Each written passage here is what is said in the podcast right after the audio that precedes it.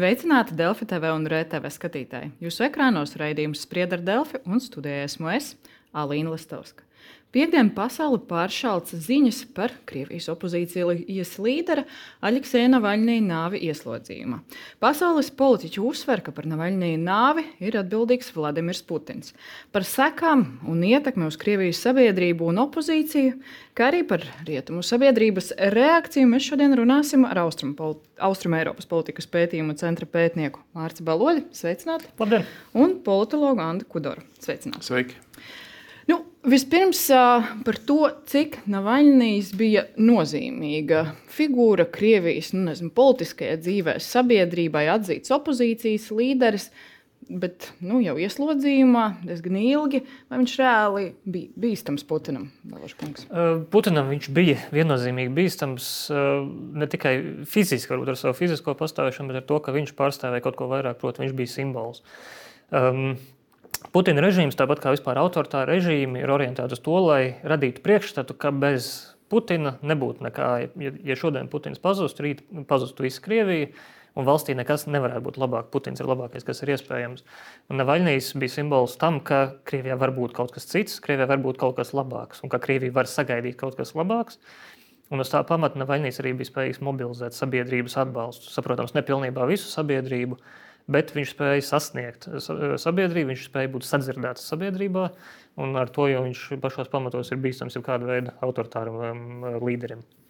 Neatkarīga, neatkarībā no tā, vai cietumā vai nē, tad viņš bija tāds traucēklis, šķērslis Putinam. Nevienu mēs nevarētu salīdzināt ar Navaļniju pēdējos gados. Pirms tam bija tikai Boris Ņemcovs, kuram bija tāds mērogs, varbūt pat vēl lielāks mērogs. Ja, viņš, var, ticu, viņš varētu vēl plašāk Krievijas sabiedrības slāņus aizraut pret pašreizējo režīmu Krievijas.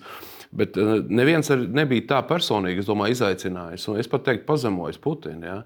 Eh, tad, kad mm, eh, Navaļnijas un viņa komanda veidoja filmas par, arī par Medvedevu, ja? un Ņģimona bija tas filmas nosaukums par Putina pili par indēšanu, par pašu Navaļniju indēšanu. Ja, kādā veidā tā informācija pēc tam apspēlēja Navaļnijas un cik liela bija auditorija. Viņi filmēja par Putina pili. Kurā tika parādīts tādas detaļas, kā piemēram kaut kāda kaljana zāle ar to striptīzu stieni un tam līdzīgi. Tā cimdu sejā Putinam neviens nav atļāvies iemest. Un Navaļnijas šī ziņā vien jau bija liela mēroga ja, personība. Ja mēs runājam par Navaļniju, nu, bija skaidrs, ka viņš atgriezās Krievijā. Nu, daudzi teica, ka nu, tas iznākums lielā mērā ir skaidrs, bet mēs varētu atgādināt, ko pats Navaļnijas ir teicis vēl pavisam nesen. Viņš skaidrojas un uh, teica, ka nu, viņam regulāri uzdod šo jautājumu, ka, ka viņš tieši trīs gadus, pirms trīs gadiem ir atgriezies Krievijā pēc ārstēšanas, un viņam joprojām uzdod jautājumu, kāpēc viņš ir atgriezies. Viņš teica, ka viņš negrib neatteikties ne no valsts, ne no savas pārliecības, ka viņš to nevar nodot. Un, ja tev, tev ir kaut kāda pārliecība, tev ir jābūt gatavam arī kaut kādiem zināmiem upuriem, bet, ja tu neesi gatavs, tad arī nekādas pārliecības un vērtību tev nav. Nu, tad faktiski nav vainiem nekādu citas iespēju nebija. Ložkungs. Iespēja viņam bija, taču iespējas uh, ietekmēt arī to, ko viņš vispār varētu sasniegt potenciāli tālāk. Jo, atgriežoties pagātnē, viņam bija iespēja palikt uh, Rietumvalstī, dzīvot relatīvā drošībā, ar uzsvaru vārdu relatīvā, jo dažādi arī Krievijas turisti, piemēram, Salisbury, apliecināja, ka drošība nav absolūta. Ja viņš būtu palicis Rietumvalstīs, viņš dzīvotu salīdzinošā drošībā, bet viņam būtu pirmkārt jau fiziski grūtāk sasniegt Krievijas auditoriju un gal galā viņš ar laiku zaudēt jebkādu veidu kontaktu, jeb kādu veidu arī savstarpējo sapratni ar Krievijas sabiedrību. Lielā mērā tomēr Nevaļnija platforma bija orientēta uz to, kā Krievijai būtu jāmainās un kas arī Krievijas sabiedrībai būtu jādara, lai Krievija mainītos. Ja viņš dzīvo rietumvalstīs, Krievijas sabiedrība arī no viņa varētu atgādināties, sakot, ar kādām tiesībām viņš dzīvo rietumvalstīs un mācīt tagad Krieviem, kā viņiem pašiem būt, kā viņiem pašiem būt, principā, Krievijā. Uh, Līdz ar to viņam bija šī izvēle, vai palikt drošībā, vai tomēr riskēt. Viņš izvēlējās riskēt. Nu tad, ja viņš gribēja ietekmēt procesus, tad, tad gan tās izvēles nekādas nebija. Tādā ziņā, jā, ja viņš vēlējās saglabāt jā, tādu savu klātbūtni un saglabāt iespējas kaut ko arī ietekmēt un mainīt Krievijā, viņam faktiski bija jādodas uz Krieviju. Vai bija arī kāda iespēja, ka Navaļnijas, ņemot vērā visas represijas, kas notiek Krievijā pret opozīciju, ka viņš varētu palikt dzīves? Nu, ļoti teorētisks. Jā.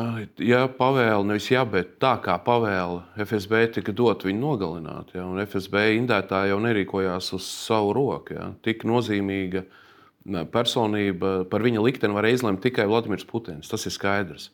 Tas, ka viņš izvēlējās doties uz Krieviju atpakaļ, nu, viņa acīs bija redzams, tad, kad viņš, tātad, viņš paziņoja, ka viņš dodas atpakaļ no Vācijas, un tad paziņoja, ka ir tātad, orders izsniegts viņa arestam. Viņa sejā, manuprāt, bija redzams, ka viņš saprot, nu, kas notiks. Jā. Un tur bija tā drāma, un tā bija milzīga personiska izšķiršanās. Es domāju, viņu par to vien var cienīt. Pat ja nepatīk daļa viņu uzskatu kaut kādu, ja viņš šo to ir runājis par Ukraiņu, vēl kaut ko, es viņu cienu vienkārši šīs nu, drosmes dēļ, pilsoniskās drosmes. Viņš tiešām varēja palikt rietumos, un Jevģīns Čičvārkins tad atzinās, ka viņš ir mēģinājis viņu arī pārliecināt, lai viņš paliek. Bet uh, ir līdzīgi kā Vladimirs Karamūrs, Ilija Jašins, ja, arī Navaļnijas, tie, nu, tie, ir, tie ir vīri ar vārdu. Ja, ir, viņi, viņi spēja savu likteni likt ja, uz, uz, nu, tādu, uz tādu izšķiršanos un riskēt ar dzīvību. Tas ir dramatiski, un es viņu cienu dēļ šīs. Redziet, tie, ka daudzi viņu kritizē, nu, kāpēc viņš tur devās atpakaļ, varēja taču dzīvot. Nu, lūk, tāpēc jau Krievijā nav pārmaiņu. Tas, ka viņš ir viens šāds, nu, neviens daži ir. Ja? Tas rāda to, ka nu, daudziem nav šīs izvēles tādas. Vienkārši riskēt ar savu veselību un dzīvību, lai nomainītu režīmu. Ja? Tas ir cilvēkādai režīms.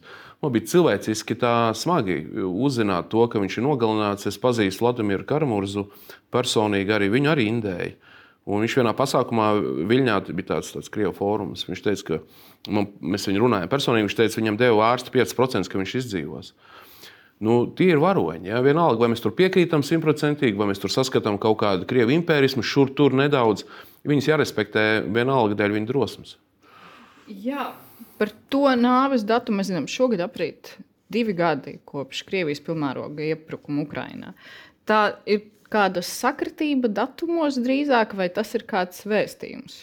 Mm, šobrīd mēs to varam skatīties dažādi. Ja no vienas puses, teiksim, šobrīd notiekošais jā, palīdz zinām, arī novērst uzmanību no 24. Uh, februāra gada dienas, taču vienlaikus tas arī papildus atkārtot atgādina, kas ir Krievija un, ar, un gal galā ar ko mums ir jārēķinās. Un turklāt, ja paskatāmies nedaudz tālākā nākotnē, martā notiks balsošana par prezidentu Krievijā. Uh, Un šādā kontekstā Kremlim nav izdevīgi šobrīd runāt par Nevaļniju, jo Kremļa interesēs vispār, lai vēlēšanas atvainojos, balsošana būtu maksimāli mierīga, parasta un nebūtu absolūti nekādu kairinājumu sabiedrībai.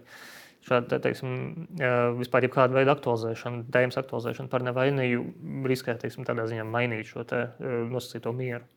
Bet nu, to, ko teica arī daudzi pasaules līderi, arī mūsu politiķi, nu, skaidrs, ka tā ir Putina atbildība. Navaļnija nāve ir viņa tieša atbildība. Neatkarīgi no tā, vai tā bija tieša slepkavība vai vienkārši nomocīšana cietumā. Simtprocentīgi tam viennozīmīgi var piekrist. Ja? Tā ir Vladimira Putina personīga atbildība. Jo... Bez viņa pavēles nevarēja notikt indēšana. Es nedomāju, ka vispār viņa nonāvēšanas tā pavēle tika atcelta kā tāda. Ja? Viņa, es domāju, ir kaut kādā nozīmē tika atlikta. Pašlaik ir pamazs informācijas ja, par, un Putina režīms spēja uzturēt šo slepenības auru, viņi spēja reāli noslēpt lietas. Ja mēs redzam no viņu lēmumiem par Krimas anektēšanu, pēc tam informācija nāk vēlāk ārā. Es ceru, ka mēs kādreiz uzzināsim visus nāves apstākļus. Pašlaik viņa ķermeni neatdod pat viņa tuviniekiem. Ja? Nu, Par to, kas tie bija pa datumiem, te ir grūti spriest. Ja? Es, es pieļauju, ka abām hipotēzēm ir tiesības uz uh, būšanu, uz eksistenci. Gan ka tā bija reāla slepkavība, gan ka uh, Viņu nomocīja vienkārši ar šiem apstākļiem. Ja? 27 reizes, ja nekļūdos, karcerī, kur ir eh, maz kaloriju ēdiens, kur ir augsti, eh, kur nav kustību. Un, un, nu, protams, eh, par viņu saka tajā pēdējā ierakstā, ka viņš bija tāds dzīvelīgs, bet nu, nezinu, man tur neliekas. Man šķiet, ka viņš bija jau nomocīts. Viņu mocīja. Ja? Tas bija, bija spīdzināšanas apstākļi aiz ziemeļpolārā loka. Mhm. Un, uh tas, ko arī viss saka, nu, to, ko teica arī Navaļnijas sieva, uzstājoties tajā pašā dienā konferences Minhenē, ka Putins atbildēs par šo nāvi. Mēs varam pieļaut tādu varbūtību, ka tas tiešām notiks, ka viņš atbildēs par saviem noziegumiem. Nu, ņemot vērā arī pašu Putina uh, vecumu, nu, ir jā, jārēķinās, ja tomēr pastāv iespēja gan liela, ka Putins uz apsūdzēto soli nesēdēs. Pat ja, mēs, pat ja kāds viņu mēģinātu saukt pie atbildības, šobrīd, es domāju, ir tik daudz ieinteresēto pušu, kuru katram mēģinātu nosēdināt uz citu apsūdzības soli. Līdz ar to um, jārēķinās, ka fiziskā ziņā katrā gadījumā viņam, uh, viņš no atbildības varbūt spēs izvairīties, taču šobrīd aktuālāks jautājums par to, vai viņš spēs um, izvairīties no nosacītas simboliskās atbildības. Proti, vai vispār šī visa notikuma ap Nevainī un viņa, viņa nogalināšana gal galā, kā tas atsauksies arī uz to, kā Krievijas sabiedrība reaģēs. Un vai tādā veidā Putinam nenāksies atbildēt par saviem darbiem, nosacīt netiešā veidā? Bet, kāds ir jūsu redzējums par to, vai šī nāve kaut ko liecina arī par to, vai Putins kļūst vājāks un tās ir bailes, vai tiešām viņam jau liekas, ka viņš ir gatavs visam, tik liela pārliecība tur, vai mēs arī nevaram izdarīt nekādus secinājumus par šo? Nu jā, mums ir atgriezusies kremlinoloģija, respektīvi mēs spriežam no kaut kāda ārējā, jo viņa līdzīgi kā padomju laikā politbiroja lēmumi bija slepeni, tagad tas, ko dara Putins, ko viņš domā, nu, mēs, mēs operējam lielā, ne pilnā mērā, bet lielā mērā ar pieņēmumiem. Uh, nu, es domāju, ka ir tāds krievisks vārds, bezspridzēšķik. Ja? Tātad cilvēkam nav robežu, ja? un viņi ir pazaudējuši jebkādas robežas. Viņiem nav ne morāli, ne ētisku robežu, es domāju, Putinam un, un Kremļa cilvēkiem. Viņiem ir lielā mērā, manuprāt, vienalga, ko mēs te runājam tagad. Ja? Iespējams, ka Putins pat izbauda to, ka no viņa vēl vairāk baidās Krievijas iekšienē. Līdzīgi kā viņš kad ir savalda un nesavalda, uh, Un tad cilvēki baidās, Krievijas pilsoņi, ja, no tā, ko, tie, ko atkal atsevišķi šie personāļi Krievijā darītu. Es domāju, viņiem ir viena alga. Putins vairs necer ne uz kādu attiecību uzlabošanu līdz galam ar rietumiem. Viņu personīgi nekur vairs neuztvers, ir tas krievu vēl vārds ņeruka pažatnī. Tātad viņam roka nespiedīs nekur vairs, izņemot kaut kādās uh, dīvainās valstīs, totalitāra režīma eh, un tam līdzīgi. Un es domāju, viņiem vienalga, viņi, Putins iet uz visu banku, viņam nav iespēja vairs iziet no šīs sistēmas ārā.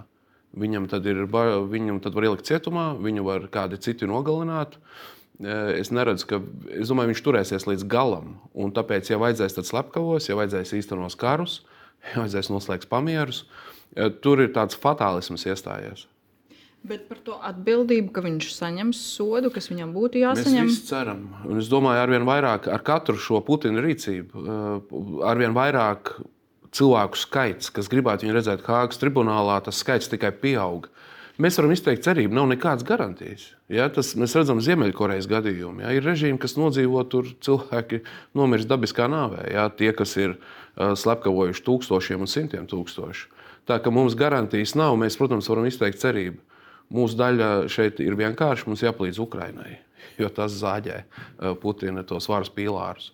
Eh, ja mēs runājam par Krieviju un opozīciju pēc Navaļņa nāves, nu vai tur ir kāds tāds redzams opozīcijas līderis joprojām? Tīpaši uh, Uz Krievijā, uz vietas tieši Krievijā, tas šobrīd ir uh, aktuāls un sasāpējis jautājums, jo Navaļnijas, lai gan arī atradās ieslodzījumā, viņš bija redzamākā figūra, kas uz vietas, kas arī, kurai arī bija spēja sasniegt, mobilizēt sabiedrību. Jo, saprotams, pēdējo pāris gadu laikā uh, lielākā daļa Krievijas politiskās opozīcijas ir pamatus Krieviju. Un te ir atgriežoties pie tā, ko Anna minēja iepriekš, uh, tādā veidā Krievija arī nespēja mainīties, jo tie, kuriem ir vilkme, kuriem ir idejas, viņi Krievija ir pamatuši. Un teiksim, arī raugoties ilgtermiņā, saistībā ar Navaļniju, šeit būs arī aktuāls jautājums par to, kas notiek ar šo ideju, par kuru uh, Navaļnijas pastāvēja, par to, ka Krievija ir nepieciešams mainīt. Kā šī ideja turpinās dzīvot, vai vispār tā turpinās dzīvot, un attiecīgi uh, no kurienes varētu parādīties potenciāli nākamie opozīcijas karognesēji. Nu, piemēram, ja mēs runājam par tādiem opozīcijas pārstāvjiem, Jašins, kurš arī tagad ir cietumā, viņš varētu uzņemties šo lomu, vai tas nav viņam tāds sabiedrības atbalsts? Es domāju, Jašina pieminēt ir pamatoti. Ja, no tā arī kas bija ar Boris Ņemcovu tūmā, kas bija ar to pašu Navaļniju tūmā, no tiem, kas ir Krievijas iekšēnē. Jašins tad būtu iespējams spilgtākā personība. Vladimirs Karamūrs ir.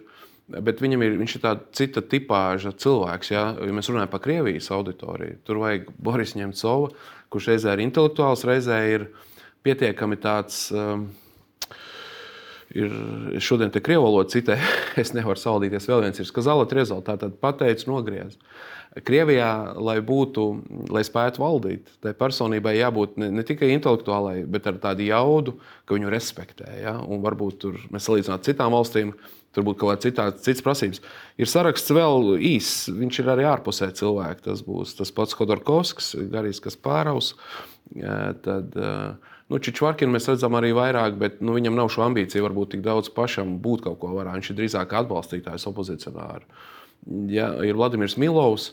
Viņš arī ir ārpusē, ja, ir, ir, ir politiķi un ir eksperti. Tur arī jāskatās, kurš vispār ir sevi ja, pozicionējis kā politiķis. Pašlaik mēs neredzam nevienu ar tik lielu jaudu un, un tādu personības mērogu, kā politiskajā nozīmē, kurš spētu viņu aizvietot.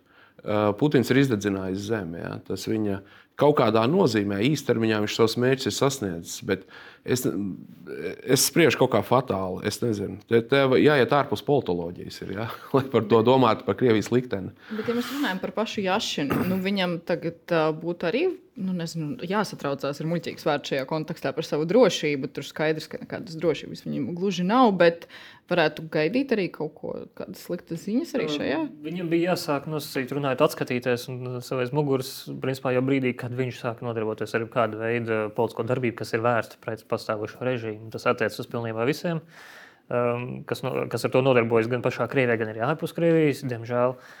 Un tāpēc um, teiksim, šis jautājums arī aktualizējās par to, kas piemēram, var notikt ar pašu Jašinu vai ar, piemēram, ar Karamūrzu tuvākajā nākotnē, ja, ka viņi arī var būt nākamie.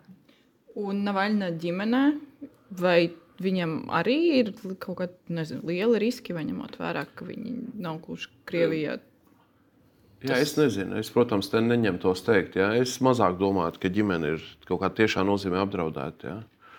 Es drīzāk domāju, ka runa ir par, par tiem, kas ir pozicionējuši sevi par politiķiem un kuriem ir ambīcijas ieņemt kaut kādas amats. Jā. Vēl ir soboļi, mēs nenosaucām, jā, kas arī redzama. Bet nu, mēroga nav. Tā mēroga Bet nav. Paša Navaļņai sieva. Viņa diezgan daudz bija. Nu, viņa līdzgaitniece ļoti redzama arī ar saviem izteikumiem, ar savu klātbūtni, ar savu tādu publisko tēlu. Vai tur ir kādas iespējas ap sevi pulcēt opozīcijas atbalstītājus? Jā, tas ir no viņas atkarīgs. Jā, vai viņi izlems? Jā. Katrā ziņā viņi, protams, nu, viņas runa bija spilgta. Viņa, protams, tādā personiskajā drāmā runāja tajā stilā, kas bija ne, ne tikai kā sērojoša sieva, bet vairāk kā cilvēks, kas uzrunā politiskā nozīmē Navaļņa atbalstītājus. Vai viņi to darīs, redzēsim. Ja viņi uzņemsies kaut kādu politisku lomu, jā, tad, protams, arī viņi ir apdraudēti. Bet tas druskuļi pāri teikt, es, es, es nezinu, jā, kādi ir viņai pašai plāni. Par sabiedrības reakciju pašā Krievijā mēs redzējām, ir aizturēti vairāki simti cilvēku, mēģinājumi izjaukt tos piemiņas vietas, kur cilvēki noliek ziedus, bet nu, nekādu teiksim, tādu lielu un plašu protestu mēs neredzējām šajās dienās. Tas bija sagaidāms. Tas nav pārsteidzoši. Jo arī mm, cilvēki, kas devās nolikt ziedus, arī daudz no viņiem pēc tam attapās policijas iecirkņos, kas jau skaidri un gaiši indicē kā režīma grasās reaģēt pat uz absolūti miermīlīgām un būtībā pat nevainīgām, ja kādām sabiedrības aktivitātes izpausmēm, nemaz nerunājot par to, kā režīms varētu reaģēt, ja iziet jau lielās protestus, kur jau būtu vērsts jau konkrēti pret režīmu. Tiesa ir jāgaida arī šeit balsošana par uh, prezidentu. Uh, šeit arī dažādi citi opozīcijas līderi ir aicinājuši tieši mobilizēties uz konkrētu datumu, piedalīties un tieši uh, sabiedrībai paust savu viedokli, bet to vai sabiedrībai pietiks arī nu, lielā mērā pārliecības vai pašpārliecinātības spērt šādu soli, un to mēs vēl tikai redzēsim. Bet, jebkurā gadījumā, nu, tādu lielāku nu, teiksim, sacelšanos pret esošo varu nevaram izslēgt arī nedaudz vēlāk. Izslēgt nevaram, taču vienlaikus ar optimismu arī ir jābūt piesardzīgiem, jo Krievijas sabiedrība ilgstoši ir, ir atradusies šādos apstākļos, kur par jebkādu veidu uh, aktīvismu režīms reaģē ārkārtīgi skarbi. Sabiedrība kopumā vismaz līdz šim ir uh, apliecinājusi tendenci savu izdzīvošanu, tā skaitā fizisko izdzīvošanu, likt augstāk par teiksim, iesaisti politikā. Tā vietā sabiedrība uh, ir salīdzinoši apātiska. Uh, un principā, mēģina distancēties no ikdienas politikas, mēģina neizsaukt uh, režīmu pretdarbību, tā vietā mēģinot vienkārši izdzīvot. Tad faktiski nu, jebkādas cerības uz pārmaiņām Krievijā, kas tiktu inicētas no pašas sabiedrības, varam nu, tagad pilnībā atmest. Vienmēr ir iespēja iracionālajam. Ja? Tātad, bet kopumā ir tas teiciens, ka Krievijā 20 gados viss strauji mainās, bet 200 gados nekas nemainās. Proti, demokrātija kā nespēja, tā nespēja ieviest. Ir politoloģijā tāds jēdziens, politiskā kultūra. Un par Krieviju tiek runāts, ka tur ir pakļautības, politiskā kultūra, ja? subject, political culture. Tātad tie, kas zina par politiku, kas notiek, bet viņi neiesaistās, viņi nav aktīvi, neiziet protestos. Lielākie tie protesti Balotnī laukumā, viņi bija lieli tāda, nu, absolūtos skaitļos, bet relatīvos viņi bija mazi salīdzinot pret Krievijas iedzīvotāju skaitu, pret Maskavas iedzīvotājiem. Kolektīvais Putins ir liels, ļoti liela daļa grib saglabāt savu mazumiņu. Demokrātiski domājošie krievi, daļa no viņiem ir izbēguši ārpus Krievijas, daļa ir, protams, aizbraukuši prom, jo negrib karot Ukrajinā, daļa ir iebiedēta un klusē. Un liela daļa ir, kas atbalsta. Ja? Un mēs socioloģija līdz galam nestrādā Krievijā. Mēs precīzi īpatsvaru katrai daļai nepateiksim precīzi. Viennozīmīgi varam teikt, ir liela daļa tādu kolaborantu Putina režīmam, kas labāk klusēs dēļ sava mazumiņa, kas viņiem ir uh, iegūts ja, Putina režīma laikā. Jūs vairāk pieminējāt, martā sagaidām nu, balsošanu par prezidentu. Nu, tur laikam būtu naivi gaidīt kaut ko ņemot vērā, kas notiek ar opozīciju, citiem kandidātiem un arī falsificēšanu? Būtībā, jā. Teiksim, vēl nesen arī aktuālais stāsts ap Naģežģinu principā bija lielākā intriga, kas vispār bija saistīta ar šo te balsošanas procesu. Krievijā balsošanas rezultāts ir zināms, un šeit arī nav nekādu bažu, nav nekādu teiksim, jautājumu par to, kurš būs pirmajā vietā. Bet tā vietā ir teiksim, citi pakārtoti jautājumi, piemēram, jā, tā ir potenciālā sabiedrības reakcija Kāda varētu būt vispār sabiedrības arī atsaucība uz notiekošo? Vai režīmam izdosies noturēt tiksim, principā, visu pasākumu zem kontrolas un viss noritēs gludi un mierīgi, vai pēdējo nedēļu jautājumi aktualizēsies tādā mērā, ka sabiedrība būs gatava paust savu neapmierinātību un mēģināt ietekmēt vismaz to, kā režīms izturas pats pret saviem iedzīvotājiem? Lai viss norietētu gludi un mierīgi, tas nozīmē, ka represijas vēl tuvākajā laikā pašā Krievijā varētu pastiprināties. Ja represijas, tas skrūvju pievilkšana ir, iet, notiek kaut kādus gadus, trīs aptuveni, ar tādu pieaugušu tendenci. Ja? Ja? Un mēs redzam skaidru virzību no autoritārā režīma uz totalitāro režīmu. Arvien vairāk staļinismu pazīmi parādās. Vladimiram Karamurzam piešķīra piespriedu 25 gadus cietumā. Tas ir Staļina laika lēģeru, laika simbols, jau kad lika uz 25 gadiem. Ja grūti spriest. Mēs redzam, skatoties Krievijas vēsturē, gan stagnācijas periods, ir pat tad, kad sliktiet, var būt stagnācija ilgstoši desmit gadiem. Un var nomainīties situācija trijās dienās. Jā. Mēs varam uh, droši teikt, ka mēs nezinām, kas būs. Es esmu pārtraucis izteikt prognozes par nākotni Krievijā. Jā, jo, jo, ja mēs spriežam no kaut kādas racionālas pieejas, nu, tur ir daudz irracionālā. Jā, tā sistēma nav slēgta. Mēs nevaram kā fizikā salikt visus tos pašus apstākļus un teikt, ka 90 reizes bija tas, un 91 reizi būs tas pats. Ja? Šeit ir sistēma atvērta. Ja? Ir tas pats Ukraiņas karš, var, eh, ja būs lielāks piegādes no rietumiem, tur var kaut kas mainīties un ietekmēt procesu. Joprojām mēs ceram uz to. Bet tās cerības eh, ne tikai man, bet daudziem citiem ir viena pēc otras nobrukušas. Ja? Cerēja, ka mobilizācija ietekmēs, tad pensiju vecuma paaugstināšana. Mēs ceram, ceram, bet kā, kā nemainās, tā nemainās. Es, es aicinātu drīzāk kopumā visu rietumu pasauli uz īstu augsto karu. Uh, uz īsta dzelzceļa priekškara. Jo tās cerības tikai palīdz uh, Putinam uh, uh, palikt pie varas. Jā, ja mēs runājam par pašu rietumu reakciju, Meduza ir apkopojusi dažādu mēdīju pirmās lapuses. Pēc Navaļnī nāves redzam, tā reakcija ir ļoti viennozīmīga. Šāda rietumu reakcija, visas vis šīs publiskās runas, tas nu, var ietekmēt tiešām rietumu kaut kādu vēl stingrāku attieksmi pret Krieviju. Es domāju, ņemot vērā pēdējo gadu notikumus, šī attieksme pret Krieviju jau dramatiski mainīties vairs nevar, jo faktiski zemāk īsti nav kur. Šis gadījums var aktualizēt teiksim, šo te jautājumu atsevišķām varbūt, sabiedrības grupām vai kādām, kādām arī politiskām grupām, piemēram, šobrīd, kas ASV kongresā iesprūdusī paketi par atbalstu Ukrainai. Uh, uz šāda, teiksim, uz šāda notikuma fona republikāņiem, tiem republikāņiem, kur mēģinām kādā veidā bremzēt un bloķēt notiekošo, šis atkal rada jau tādu krietni nepatīkamu pieskaņu visam šim pasākumam. Ja mēs runājam par ASV sabiedrību un to nu, nesen publiskoto, sarunu ar Putinu, negribētu tos to saukt par interviju, tomēr uh, šī aizēno to efektu, kas radīja tas materiāls. Es domāju, jā, viennozīmīgi. Jā. Es domāju, tas Takera centieni palīdzēt Putinam ir tagad uh, cietuši ne pilnā mērā, bet kaut kādā daļai neveiksmi. Ja. Te tomēr ir jāsaprot, ka Takers ir daļā Amerikas sabiedrības populārs. Tur ir jautājums, cik tur šīs vēsmas par Navaļņu aizies līdz turienei. Mēs esam tuvāk Krievijai, mums viss ir spilgti. Ja? Mēs jebkuru ziņu mēs uztveram ļoti spilgti un, un pat dažkārt sācināt. Tas ir saprotams. Amerikāņā sabiedrība ir sašķelta, un diemžēl daļa konservatīvo ir noskaņojusies par labu tiem takeru vēstījumiem. Tas, protams, ir nožēlojami. Ja? Tur saskatīt Putinā kaut kādu konservatīvu vērtību atbalstīšanu reālu. Eiropiešu, Eiropas koncertīvu izpratnē, nu, tie ir tādi maldi. Ja? Viņai Krievijas propagandai ir izdevies daļēji noteiktā sabiedrības stratā, ne visā Amerikā, bet noteiktā stratā tomēr iesēt ja, tās muļķības par Putinu. Mhm. Tad faktiski tie, kas noskatījās nu, teiksim, to Takera sarunu ar Putinu un nu, vēl nezinu, savu viedokli par viņu uzlaboja, varbūt, tad tiem Navaļnī nāve arī nekādu izmaiņu noskaņojumā neviesīs. Es baidos, ka nē, bet nu, jāreikinās, ka vienmēr būs kāda daļa sabiedrības, kuras savos uzskatos ir, ir tik ļoti pati investējusi, ka nu, šos uzskatus mainīt, no tiem atkāpties ir tīri personīgi, individuāli, psiholoģiski ļoti sarežģīti.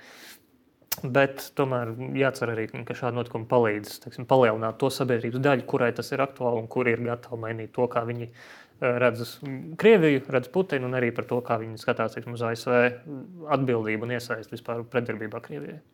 Jā, un uh, tam mēs varam, tas, ko jūs daudz minējāt par palīdzību un atbalstu Ukrainai, uh, tas, ko teica Valdemirs Zelenskis, arī Ukrainas prezidents, par to, ka jautāt nevis Ukrainai, kad beigsies karš, bet jautāt sev, kāpēc Putins spēja karu turpināt. Navaļnī nāve uh, varētu ietekmēt. Nu, Nezinu, vēl lēmumus par atbalstu Ukraiņai, jūsuprāt, no rietumu valstīm, no citām? Viennozīmīgi, jā. Vispār viss, ko dara Putins, viņš panāk kopumā tādu pretēju efektu. Ja viņš gribētu NATO infrastruktūru attālināt no Krievijas robežām, Somija Somija iestājās, Zviedrija stājas NATO, otrādi NATO stiprinās. Viņš gribēja sašķelt Ukraiņu. Ukraiņu nācija ir vienotāka palikusi nekā pirms 2014. gada. Viennozīmīgi. Tas pats šeit, es domāju, tā Navaļnija nāve starptautiskajā ziņā Krievijas tēlam, Putina tēlam par labu nenāks. Otrādi, e, vairosies pārliecība, ka tas ir cilvēkādāja režīms, tas ir, viņš virzās uz totalitārismu, to vajag nopietni iegrožot. Un tai nostāja jābūt strateģiskai. Vienkārši tas notiek pakāpeniski, bet ar katru rīcību, ko Putins izdara, principā tie rietumi vienojas ar vien vairāk pret šo Kremļa režīmu. Vienkārši tas, tas, ko es gribu saprast, nu, laikam, prognozēt, ir grūti. La, tie, kas zinātu, nu, kā Baltijas valstis par aptuveni e, to situāciju Krievijā un uz ko Putins varētu būt spējīgs, jā, mums pārliecība nostiprinās, bet tos šaubīgos vai tos, kuri piespēlē Putinam kaut kādā mērā, nu, kaut kas šādi notikumi spēja mainīt viņu kursu.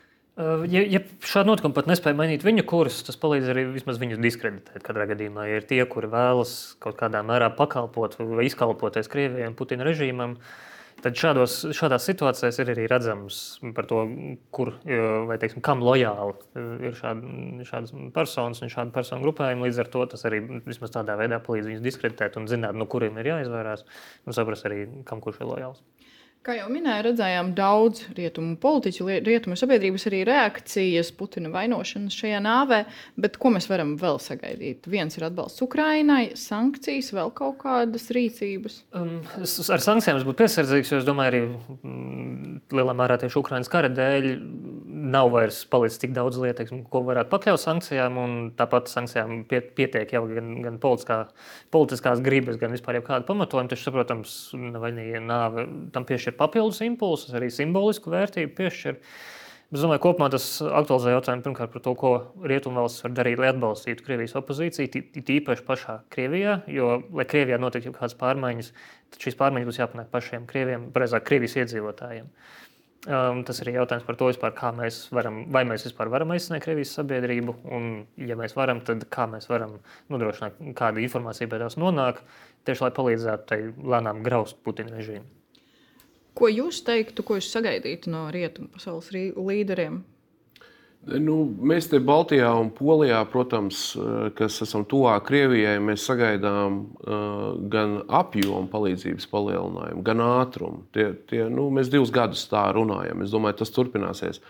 Navaļnijas sievas runa Minhenes drošības formā, es domāju, tas efekts būs lielāks varbūt nekā tagad varētu likties. Ja?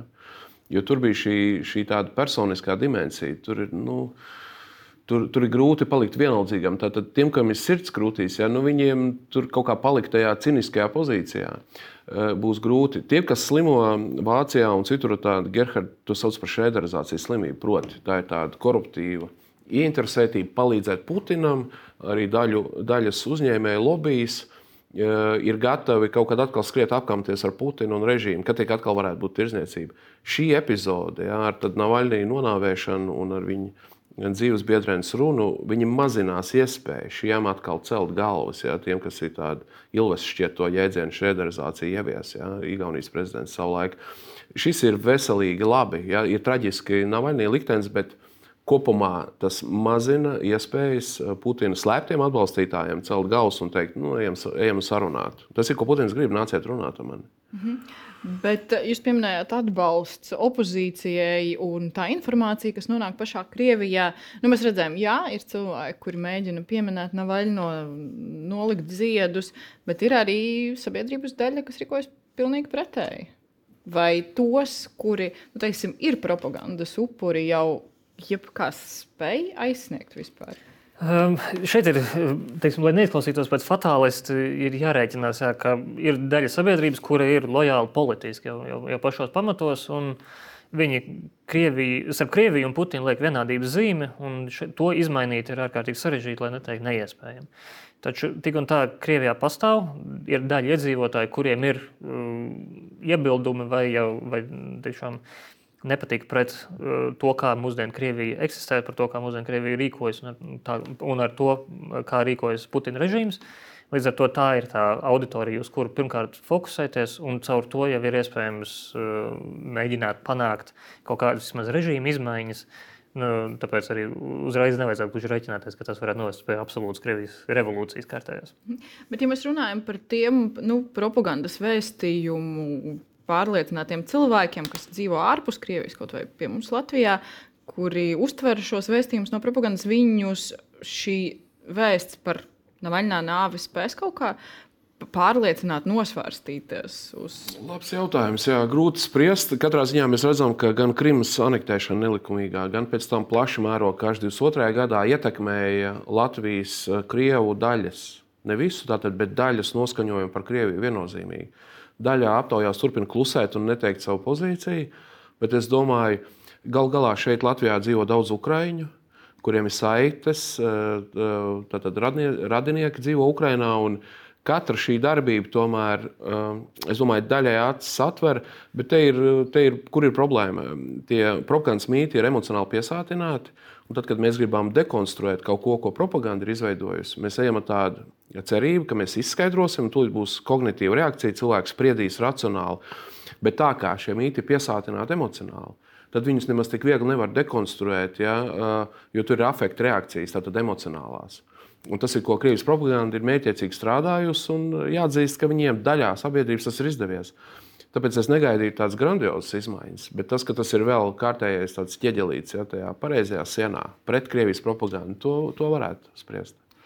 Un noslēgumā es gribētu atgriezties pie Ukraiņas. Pavisam tāds īsts jautājums. Mēs kā rietumu sabiedrība kaut kādā ziņā ņemot vērā, ka karš ilgs jau divus gadus, un Zelenska vēstījumus esam pieviluši Ukraiņai. Jā, viennozīmīgi. Ņemot vērā to, cik gan politiski, gan industriāli attīstīta ir rietumu pasaule. Mēs neesam Ukraiņai devuši kolektīvu, mēs neesam Ukraiņai devuši pilnībā visu, kas mums ir pieejams, vai mēs neesam darījuši visu, kas ir bijis mūsu spēkos. Pozitīvā, no pozitīvās puses raugoties Baltijas valsts un arī Polijā, mēs varam justies tādā ziņā gana droši. Mēs esam darījuši tiešām daudz un, un aģitējuši arī, lai visi citi darītu daudz. Taču kopumā, ja skatāmies kolektīvi uz rietumvalstīm, tad mēs varējām, joprojām varam un turpmāk varēsim Ukraiņai piešķirt krietni vairāk. Lielākā problēma ir panākt to politisko pārliecību, politisko gribu radīt. Un, ko līdz parādās politiskā griba, līdz ar to jau praktiski uh, izaicinājumi kļūst vienkārši par, par jautājumiem, kas ir jāatrisina. Tad, tad nekļūst vairs par šķēršļiem. Jums tas pats jautājums, vai esam pievīluši Ukrajinu? Mārķa teiktajam redz, ir pamatojums. Tas ir tāds filozofisks doma Eiropā pēc otrā pasaules kara, proti, miers par katru cenu. Tātad nekad vairs, un tad šī Eiropas doma, ka tikai kaut kas neizaugt lielāks, ka tikai karš ne, no, no lokāla nepārvērstos par reģionālu un par globālu. Šī doma, protams, ir tūredzīga. Ja runājam par tādiem režīmiem, kā bija nacistiskās Vācijas režīms, kāds ir tagad Putina režīms, ja, tur Putins saprot tikai spēku valodu, tā ir viņa mentālā uzbūve. Ja, tur, tur tikai spēki jāiet, un tad drīzāk tur būtu kaut kāda piekāpšanās no Krievijas puses. Bet tad rietumi uzķers uz šiem kodolieroču vadzināšanu, uz vēl lielākiem draudiem un domu, ka tik nebūtu par katru cenu, tur tas cenu kāds maksā, Ukrāņi maksā to cenu. Ja. Varētu spriest, vai cik labi, jā, nav neizaugt lielāks karš, bet nu, Ukrāņi mirst. Ja, tā ir nācija tiek plosīta dramatiski. Un, nu, mēs, protams, nopūšamies par to ātrumu un apjomu. Jā, mēs gribētu lielāku. Es, es tomēr ceru, ka ir arī tektoniskas kustības. Es ceru, bet ir redzams, Vācija ir gatava palīdzēt Baltijai ar to, ka viņu teiksim, spēki būs Lietuvā. Ir jau dislocēti un skaits būs vēl lielāks. Šis pirms desmit gadiem vispār nebija iedomājams. Tad faktiski mēs redzam, ka nu, varētu situācija laboties. Tas tā palīdzība, kas vēl nav sniegta, varētu tikt sniegta, bet mūsu sarunas laiks, diemžēl, šodien ir beidzies. Paldies jums par šo diskusiju. Paldies jums, ka skatījāties un uz tikšanos jau drīz.